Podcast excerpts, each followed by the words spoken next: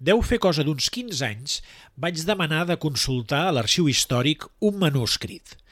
Aquest manuscrit sortia en una referència, en una nota a peu de pàgina, en un article que havia hagut de llegir per una feina de documentació que m'havien encarregat sobre les fonts gòtiques de Barcelona. Quan el personal de la sala em van portar el manuscrit i vaig començar a passar les seves pàgines, no m'ho podia creure. Davant meu tenia un volum escrit a mà, del 1650, en el que en les seves pàgines es descrivia amb tot detall d'on venien, per on passaven i on acabaven les canonades que portaven l'aigua a Barcelona i un cop dins muralles, a través dels seus carrers i places fins a la última font de la ciutat. Llegint les seves pàgines, se'm regalava un itinerari viu, expressiu, detallat i ple d'històries, anècdotes i fins i tot secrets a través d'una Barcelona molt real del passat. I tot a través dels seus camins de l'aigua. I tot això amb la impressió plena de certesa que tenia davant meu una d'aquelles fonts històriques que saps perfectament que són molt importants. A vegades, el treball i les hores passades als arxius, els arxius t'ho recompensen amb veritables tresors, amb veritables meravelles en forma de document, de manuscrit, d'encontre documental, que immediatament saps que ja formaran part de la teva vida i dels teus records d'historiador per sempre. Barcelona, en paraula d'arxiu.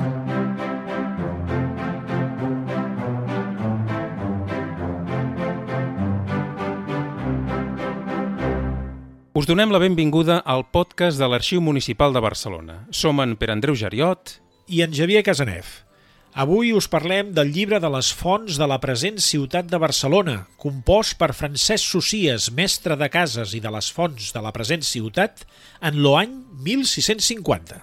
Aquest és el títol del manuscrit UG, guió 076, que es conserva a l'Arxiu Històric de la ciutat de Barcelona. Una font documental gairebé única a Europa i que ens parla de la relació de la ciutat de Barcelona amb un bé comú que significa la vida, l'aigua. Barcelona en paraula d'arxiu, el podcast de l'Arxiu Municipal de Barcelona.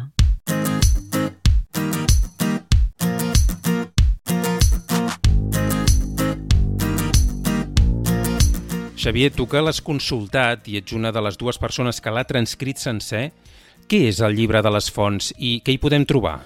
Doncs mira, Pere Andreu, el llibre de les fonts és el resultat de l'encàrrec que el Consell de Cent, l'autoritat municipal de Barcelona, va encarregar el juliol de 1648 a Francesc Socies, el mestre de les fonts de la ciutat de Barcelona. Mestre de les fonts, això què vol dir?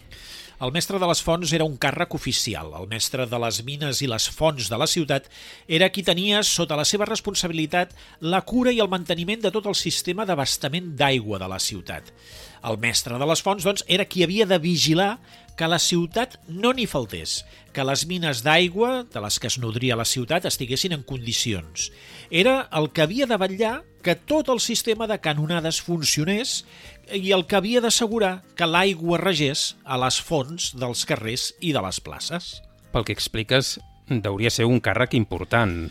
Un càrrec importantíssim. Pensem que a Barcelona la gent tenia aigua o pels molts pous que hi havia a les cases o per aquest sistema de fonts públiques. Si l'aigua no rejava, la ciutat tenia un problema, i molt gros. Tornem al llibre de les fonts. Què hi podem trobar? Doncs mira, el llibre de les fonts és el volum manuscrit que Socies va escriure o va dictar el 1650 en tot el que sabia del seu ofici com a mestre de les fonts. Per Andreu, en el llibre de les fonts hi ha tot. Quines mines d'aigua Collserola tenia la ciutat per proveir-se, com s'hi arribava, com eren per dins, per on passaven les canonades que transportaven l'aigua fins a una canonada principal o canonada major, per on anava la canonada major pel que ara seria el passeig de Gràcia fins a arribar a les muralles de la ciutat. Com aquesta canonada major arribava fins la plaça de Sant Jaume, on hi havia la caseta de les Fonts, el veritable distribuïdor, a partir d'ella, de trams diversos de canonades que anaven fins a les fonts de la ciutat. El llibre també diu per on passaven totes aquestes canonades, per quins carrers, per quines cantonades, per quines places, per quines cases o quins convents o institucions que tenien el dret particular propi per tenir aigua. També diu per on passava l'aigua que arribava al claustre de la catedral, a la casa de la ciutat, a l'Hospital General de la Santa Creu... En definitiva, tot el sistema circulatori de l'aigua de Barcelona el 1650 el tenim descrit en el llibre de les fonts. Abans, fa una estona, deies que al llibre de les fonts hi ha fins i tot secrets. Això era una llicència poètica o què? no, no, en absolut. Al llibre de les fonts el mestre Socies va identificar i va descriure fins i tot on estaven localitzades les obertures secretes en el paviment, en els carrers, a terra, a través de les quals es podia fer el control de l'estat de l'aigua i de les canonades. Unes obertures secretes que només coneixia el mestre de les fonts, però que eren identificades amb unes molt discretes creus gravades, incises, en les parets que tocaven aquestes obertures. Aquestes creus estan dibuixades i les obertures estan indicades en el llibre de les fonts. I, per cert, algunes encara les podem localitzar si passegem pels entorns de la catedral.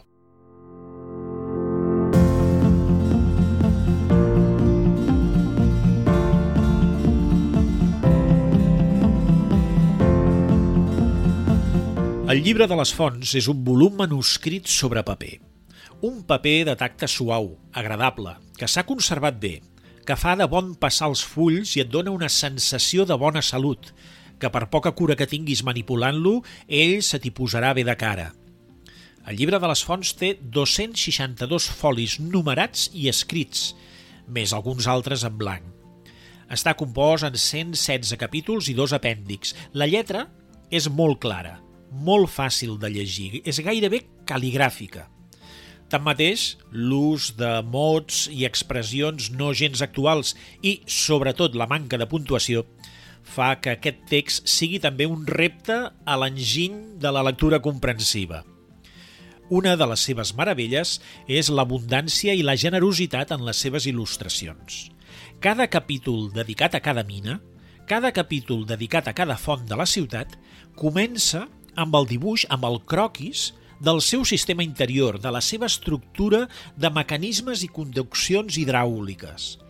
Podem veure com eren les fonts per dins, el seu mecanisme i la seva estructura per rebre, servir i reconduir l'aigua. Un tresor de la tècnica hidràulica detallat de forma sobretot molt pràctica. El llibre de les fonts té una enquadernació d'època, amb pell marró decorada amb motius florals i amb un bonic escut de la ciutat daurat a la coberta. Per rematar-ho, dos fermalls metàl·lics permeten tancar el volum amb seguretat. Sentim un exemple d'itinerari de l'aigua descrit en el llibre de les fonts la narració de com l'aigua és conduïda des de la caseta de les fonts de la plaça de Sant Jaume fins a una font propera, la font de Sant Just, a la plaça davant l'església de Sant Just i Pastor. La canonada parteix de l'estància, de la pica gran, i va la canonada per sota de l'enrajolat de l'estància i baixa per la paret. D'aquí passa per sota dels graons de l'escaleta i travessa l'entrada i va recte a la paret mitgera entre la casa del veguer i la del banquer. La canonada, aleshores, surt a l'entrada de la casa del banquer i gira mà esquerra i va dreta al pati de la casa del banquer. I des d'aquí surt fora, al carrer, al costat de l'església de Sant Just. I gira mà esquerra anant dreta davant del campanar de Sant Just, arrambada a les cases, sempre sobre la canonada vella que fa de fonament a la nova. Les canonades vella i nova, passat el campanar, es decanten arran de la paret del fossar i rodegen la cantonada del fossar. I des d'aquí, la canonada nova va amb la vella sota l'aljub de la font, a la base, dins el gruix de la paret, a la vertical de la finestreta del repartiment. I puja la canonada l'aigua paret amunt fins a dalt a la cassola del repartiment.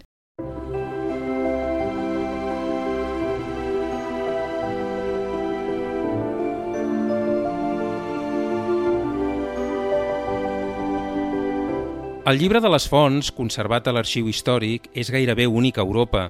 Que en tinguem notícia fins ara, només s'han identificat dos llibres semblants. D'una banda, el llibre de les fonts de la ciutat francesa de Rouen, redactat entre els anys 1524 i 1525, i per altra banda, el libro de los caños de agua de Nuestra Senyora de Santa Maria de Guadalupe, de Mèxic, escrit entre 1540 i 1542 per parlar-nos del nostre llibre de les fonts, del mestre Socies i de la seva importància com a manual professional, hem contactat amb la doctora Maria Antònia Martí Escaiol, professora d'Història a la Universitat Autònoma de Barcelona. Val la pena que us fixeu en la intensitat amb què la Maria Antònia parla del llibre de les fonts i del mestre Socies. Una intensitat ben bé tan gran com la d'en Xavier. Deu ser que això del llibre de les fonts provoca veritables entusiasmes. El llibre de les fonts adopta l'estil d'un manual professional perquè codifica el coneixement de l'ofici del mestre de les fonts i estableix les obligacions i limitacions que té el càrrec. Això ho fa amb, amb tres objectius bàsics. Primer, orientar les actuacions dels futurs responsables del càrrec, aconseguir l'optimització del circuit líquid i, en tercer lloc, millorar l'eficiència i reforçar la seguretat d'aquest circuit. Aquests objectius també tenen eh, dos resultats eh, bàsics. Per una banda, aconsegueix la professionalització de les funcions del càrrec. En Socies diu que aquest ofici només se'l pot fer algú que en sàpiga, algú que conegui perfectament la història de la ciutat, algú que tingui compromís per fer-ho, algú que sigui responsable, que tingui una ètica professional. Per això ell podem dir que el que fa és construir un prestigi entorn la feina de la gestió de l'aigua. D'altra banda, el llibre també és molt important per la voluntat que té de preservar tota la infraestructura hidràulica, per millorar l'eficiència econòmica, també per fixar la propietat de l'aigua. Ell escriu qui és el propietari d'aquesta aigua, però sobretot el que fa aquest manual també és saber gestionar el risc que suposa viure en una ciutat mediterrània amb pluges irregulars, amb sequeres. En definitiva, podríem dir que escriure el llibre de les fonts té la mateixa funció que tenien els, els pagesos quan escrivien els seus dietaris personals – el mestre de les fonts, en Socies, escriu perquè té un sentiment de responsabilitat cap al seu ofici, cap allò que guarda, cap allò que vigila. I aquest sentiment de responsabilitat és precisament el que garanteix la continuïtat de les fonts i, de fet, de tota la ciutat mateixa. És aquesta transmissió del coneixement i per escrit el que garantitza que la ciutat continuï funcionant. La Maria Antònia Martí Escaiol feia referència a la dificultat que suposava per al mestre de les fonts gestionar el risc que era viure en una ciutat mediterrània amb pluges irregulars i amb sequeres. Per parlar del context climàtic a Barcelona en el moment de la redacció del llibre de les fonts, hem parlat amb en Santiago Gorostiza, investigador postdoctoral al Centre d'Histoire de Sciences Po a París. Francesc Socias escriu el llibre de les fonts quan porta 30 anys com a mestre de les fonts a la ciutat de Barcelona i ho fa amb l'experiència d'haver viscut un període caracteritzat per sequeres freqüents i de gran intensitat. I en el cas de Barcelona, entre el segle XVI i el segle XIX, un dels períodes de sequera més severs que han estat identificats són els anys que van, precisament, entre 1625 i 1635. Aquest episodi, a més, a part de ser el més important de tres segles, va anar seguit d'un altre, menys intens, que continuà durant bona part de la dècada de 1640 i aquests anys coincideixen de ple amb el període de Socies com a mestre de les fonts. I, per tant, eh, Francesc Socies va ser el responsable de gestionar el subministrament d'aigua de la ciutat durant un període de la història de Barcelona en què els episodis de sequera van ser especialment greus i freqüents. Uns temps de sequera que queden reflectits en el llibre de les fonts. Aquest volum, el llibre de les fonts, és important també perquè és un testimoni excepcional de la gestió de l'aigua en un període de dificultats en Socies va ser molt conscient dels canvis que Barcelona patia respecte a l'aigua. L'autor recorda que als inicis del seu temps com a mestre de les fonts hi havia aigua abundant i es van expandir les canonades a la ciutat. Però aquesta abundància, escriu, durà fins l'any 1626. I ja en l'any 1627 hi hagué gran secada, vingueren les fonts a la present ciutat que no hi havia sinó gran misèria d'aigües. La sequera també va marcar l'estiu de 1650, que és precisament quan Socies estava escrivint el llibre de les fonts. Després de visitar la mina de la font de Nostra Senyora del Coll, Sociès va escriure que amb els 30 anys que sóc mestre de les fonts, en tot el temps no havia vist que la mina se fos acabada d'aixugar de tot, sense gota d'aigua. Aquesta falta de pluges, de la qual Sociès va deixar testimoni, acabà per arruïnar la collita de cereals del 1650 que fou conegut com l'any de la misèria. Aquesta consciència de l'aigua com un bé comú que és escàs fa que el llibre de les fonts no sigui només un llibre tècnic. A través de les seves pàgines veiem facetes insospitades de la societat barcelonina. Per exemple, la constant lluita d'en Socies per evitar abusos i fraus en l'aigua. En especial, els convents religiosos i algunes institucions particulars que gaudien d'una concessió d'aigua privada amb la que sovint feien negoci, gastant més aigua de la que els tocava i potser provocant que no arribés aigua suficient a les altres fonts de la zona que rebien l'aigua després d'ells. Per exemple, en aquest altre fragment, en què el mestre Socies diu que cal donar l'aigua de manera molt controlada a l'estudi general, és a dir, a l'antiga universitat, perquè si no, els vidells de l'estudi oferien l'aigua als habitants dels carrers adjacents i això posava en risc que arribés l'aigua necessària a l'Hospital General. I també se'ls n'adona l'aigua amb mida, perquè jo los he trobats que donaven l'aigua al carrer de Santa Anna, i carrer de Nacanuda, i carrer dels Tallers. I si no se los n'adonàs amb mesura, faria falta la dita aigua a l'Hospital General. I a la inversa, en Francesc Socies no deixava de posar per escrit les seves lluances a tots aquells que feien un ús mesurat i adequat de l'aigua que rebien, com a l'Hospital dels Infants Orfes. Aquesta és la portella del repartiment de l'Hospital dels Infants Òrfans. I per lo mig de la cassoleta, per un canonet, baixa l'aigua a les gerres dels òrfans. Se'ls dona l'aigua amb mida i ells mateixos tenen una portelleta amb una aixeta. La tanquen com la tenen prou d'aigua a les gerres i l'aigua no es perd. I torna a fer l'aigua son camí. L'aigua la tanquen quan tenen prou aigua a les gerres i l'aigua no es perd. I l'aigua continua fent el seu camí.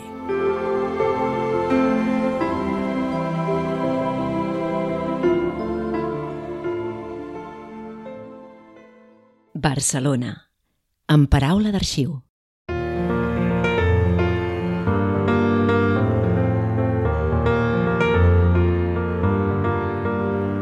Xavier, mirant-me la transcripció del llibre de les fonts, una de les coses que més m'ha sorprès és que per fer el seu llibre en Socies consultés l'arxiu municipal. Com és això? sí, sí, és cert, ho recordo, ho recordo. En el capítol en què parla de l'aigua que va al monestir de Sant Francesc, de fet això que dius surt en dos o tres ocasions, però una d'elles, potser la més principal, és en el capítol en el que parla, com dic, de l'aigua que va al monestir de Sant Francesc. El monestir de Sant Francesc estava a baix de tot de la Rambla, on actualment ara hi ha l'edifici de capitania. Doncs bé, en Socies explica que molts anys abans va haver de consultar els fons de l'arxiu de la Casa de la Ciutat per saber sota quines condicions aquest monestir rebia aigua de la ciutat i que després, precisament per escriure el llibre de les fonts, va haver de refrescar-ho i va haver de tornar a l'arxiu. La canonada de l'aigua de la font va al Pla de Sant Francesc i va dins del monestir. Que la ciutat donà l'aigua a pactes, segons me digué en una ocasió Galceran Saber Pedralbes, notari públic de Barcelona i escrivà de les obres de la present ciutat. Junts anàrem, fa alguns 26 anys, a la casa de la ciutat, a l'escrivania major. I prengué un llibre, conforme cada any de conselleria fa un llibre de cada any, com lo senyor Pedralbes era notari de les obres en lo temps que feren la dita canonada de la font. I allí tragué dels armaris un llibre de deliberacions de l'any 1611. A la darreria de l'any de dit llibre ho trobaran. I ara, com se fa dit llibre de les fonts, per més assegurança, havem tornat a mirar a los senyors obrers lo concert dels frares de dit monestir de Sant Francesc a la ciutat.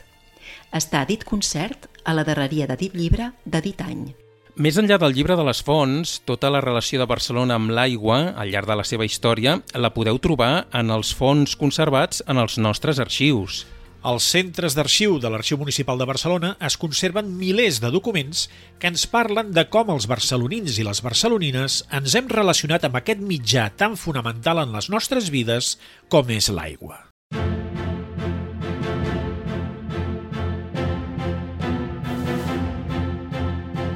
Fem ara una ronda de contactes amb alguns dels nostres arxius i que les seves arxiveres ens destaquin la documentació que els sembli rellevant sobre la relació de Barcelona amb l'aigua. Comencem amb la Roser Visa, responsable d'Arxiu i Gestió Documental de l'Arxiu Municipal del Districte de Sarrià-Sant Gervasi i del de Ciutat Vella.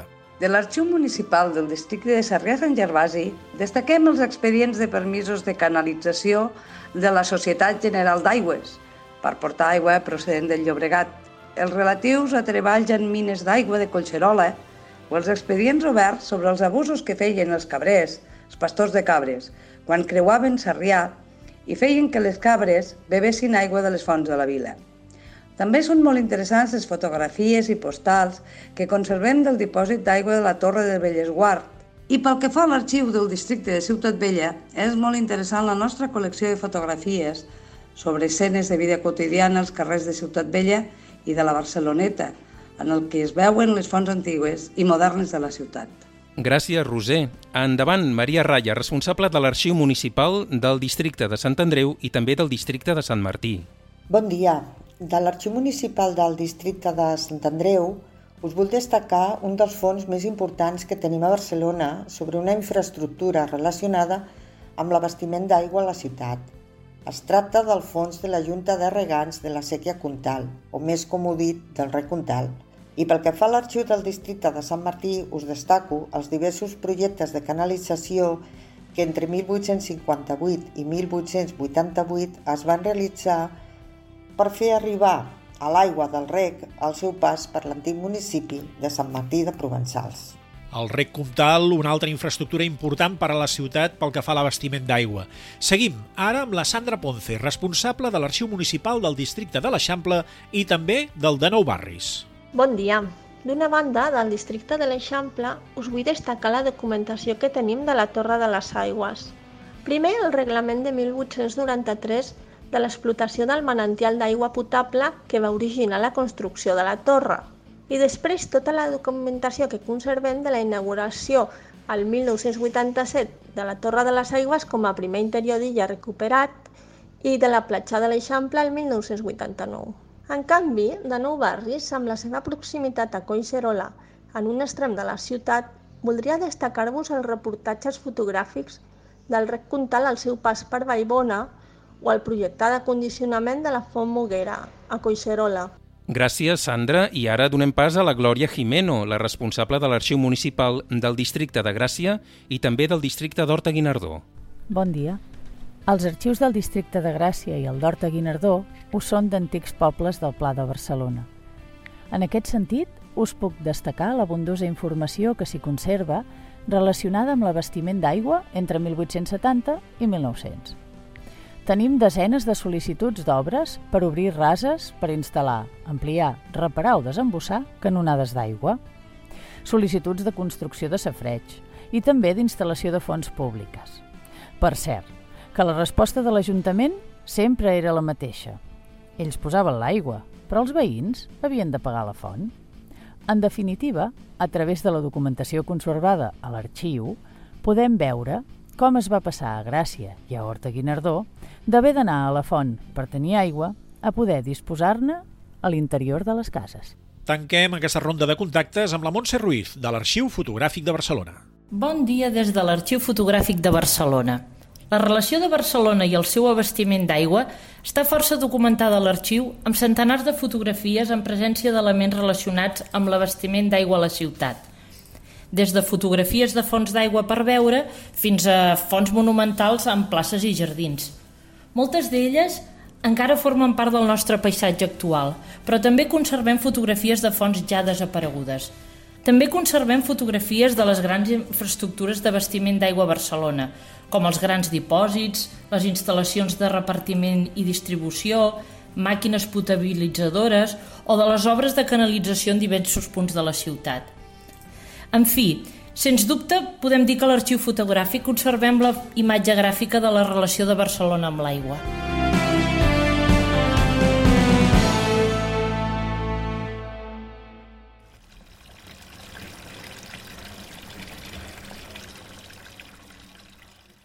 Barcelona, amb paraula d'arxiu. Ja ho podeu veure, documentació sobre l'aigua a Barcelona, la que vulgueu, i que consti que ens hem deixat arxius. Per cert, us recordem una vegada més que molta d'aquesta documentació la podeu consultar des de casa si accediu al catàleg en línia. Entreu al web de l'Arxiu Municipal de Barcelona i des d'allà hi podreu accedir. Per cert, un detall important. Teniu tot el llibre de les fonts digitalitzat sencer a la vostra disposició en aquest mateix catàleg en línia. I a més, si entreu al web de l'Arxiu Municipal i aneu a l'apartat del podcast, hi trobareu l'enllaç directe.